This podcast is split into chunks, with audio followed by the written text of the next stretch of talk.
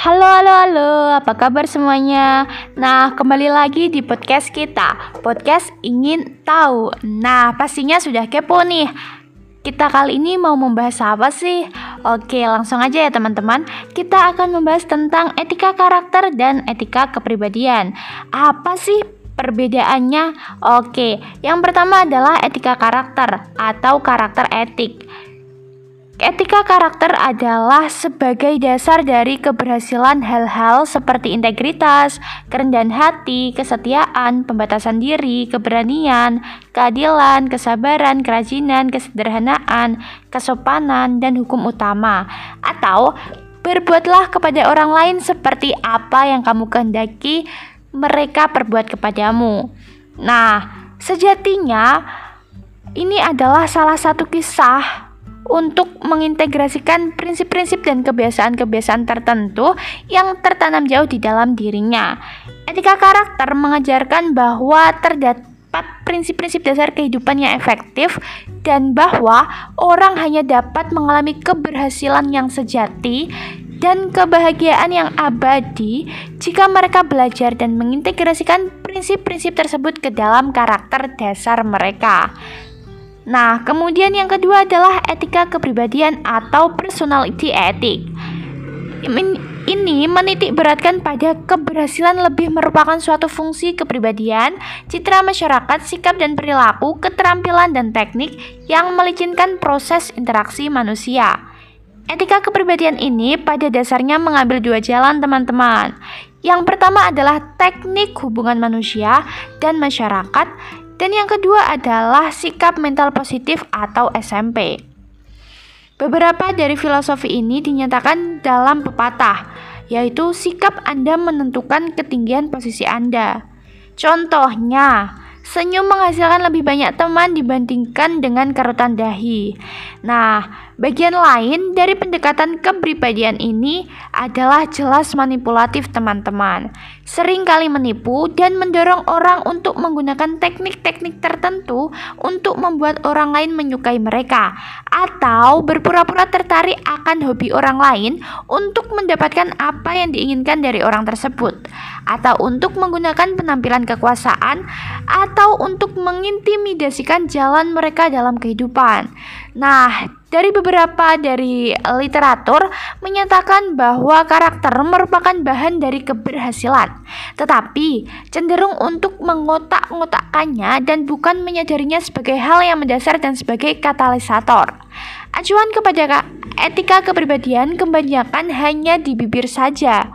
Penggerak dasarnya adalah teknik yang mempengaruhi cepat, strategi kekuasaan, keterampilan berkomunikasi, dan sikap positif. Nah, aku kira podcast kita kali ini cukup ya teman-teman. Kembali lagi di podcast kita selanjutnya. Bye-bye.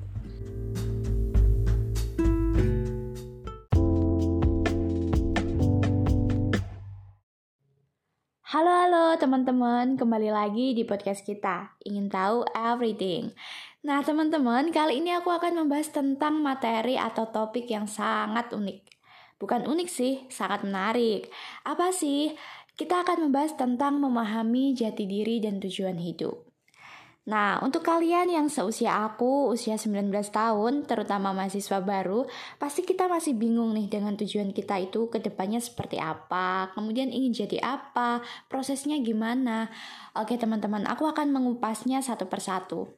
Nah, aku seperti kalian, akhir-akhir ini tuh aku gampang up and down gitu, mikir aku nanti bisa nggak ya jadi seseorang yang seperti ekspektasi diekspektasikan oleh orang-orang. Apakah aku mampu uh, membahagiakan orang tuaku? Apakah aku mampu mewujudkan cita-citaku kita sama kok teman-teman.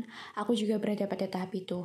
Nah pada tahap itu aku selalu mencoba untuk uh, mencari sebuah jawaban. Dengan cara membaca, mendengarkan solawat, mendengarkan ceramah, mendengarkan uh, motivasi dan lain sebagainya.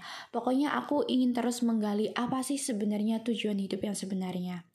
Sebenarnya teman-teman, aku tahu sih tujuan kita hidup di dunia ini kan untuk uh, melakukan sesuatu karena Allah Ta'ala karena pada hakikatnya kita nanti juga akan uh, merasakan yang namanya kematian tapi Hidup kalau hanya berpikir pada hal itu juga tidak akan berdampak pada diri kita untuk memberikan sesuatu.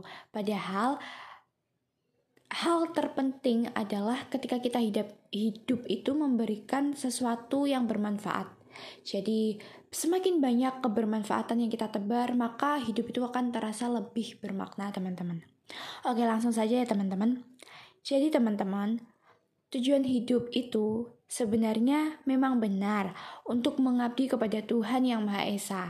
Akan tetapi, mengabdi itu bukan hanya konotasinya kita berdakwah.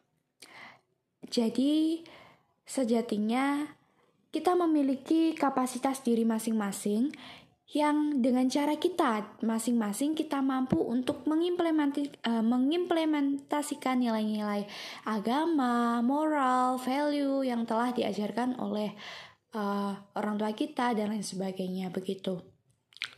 Nah, itu semua tak lepas dari pengaruh pencarian jati diri pada diri kita. Kok bisa sih? Kok aku makin bingung ya dengan apa yang uh, kakak katakan, oke akan aku jelaskan ya. Jadi teman-teman, ada pepatah yang mengatakan be yourself. Jadilah diri kamu sendiri. Karena dengan menjadi diri kamu sendiri, kamu akan menjadi seorang pemenang.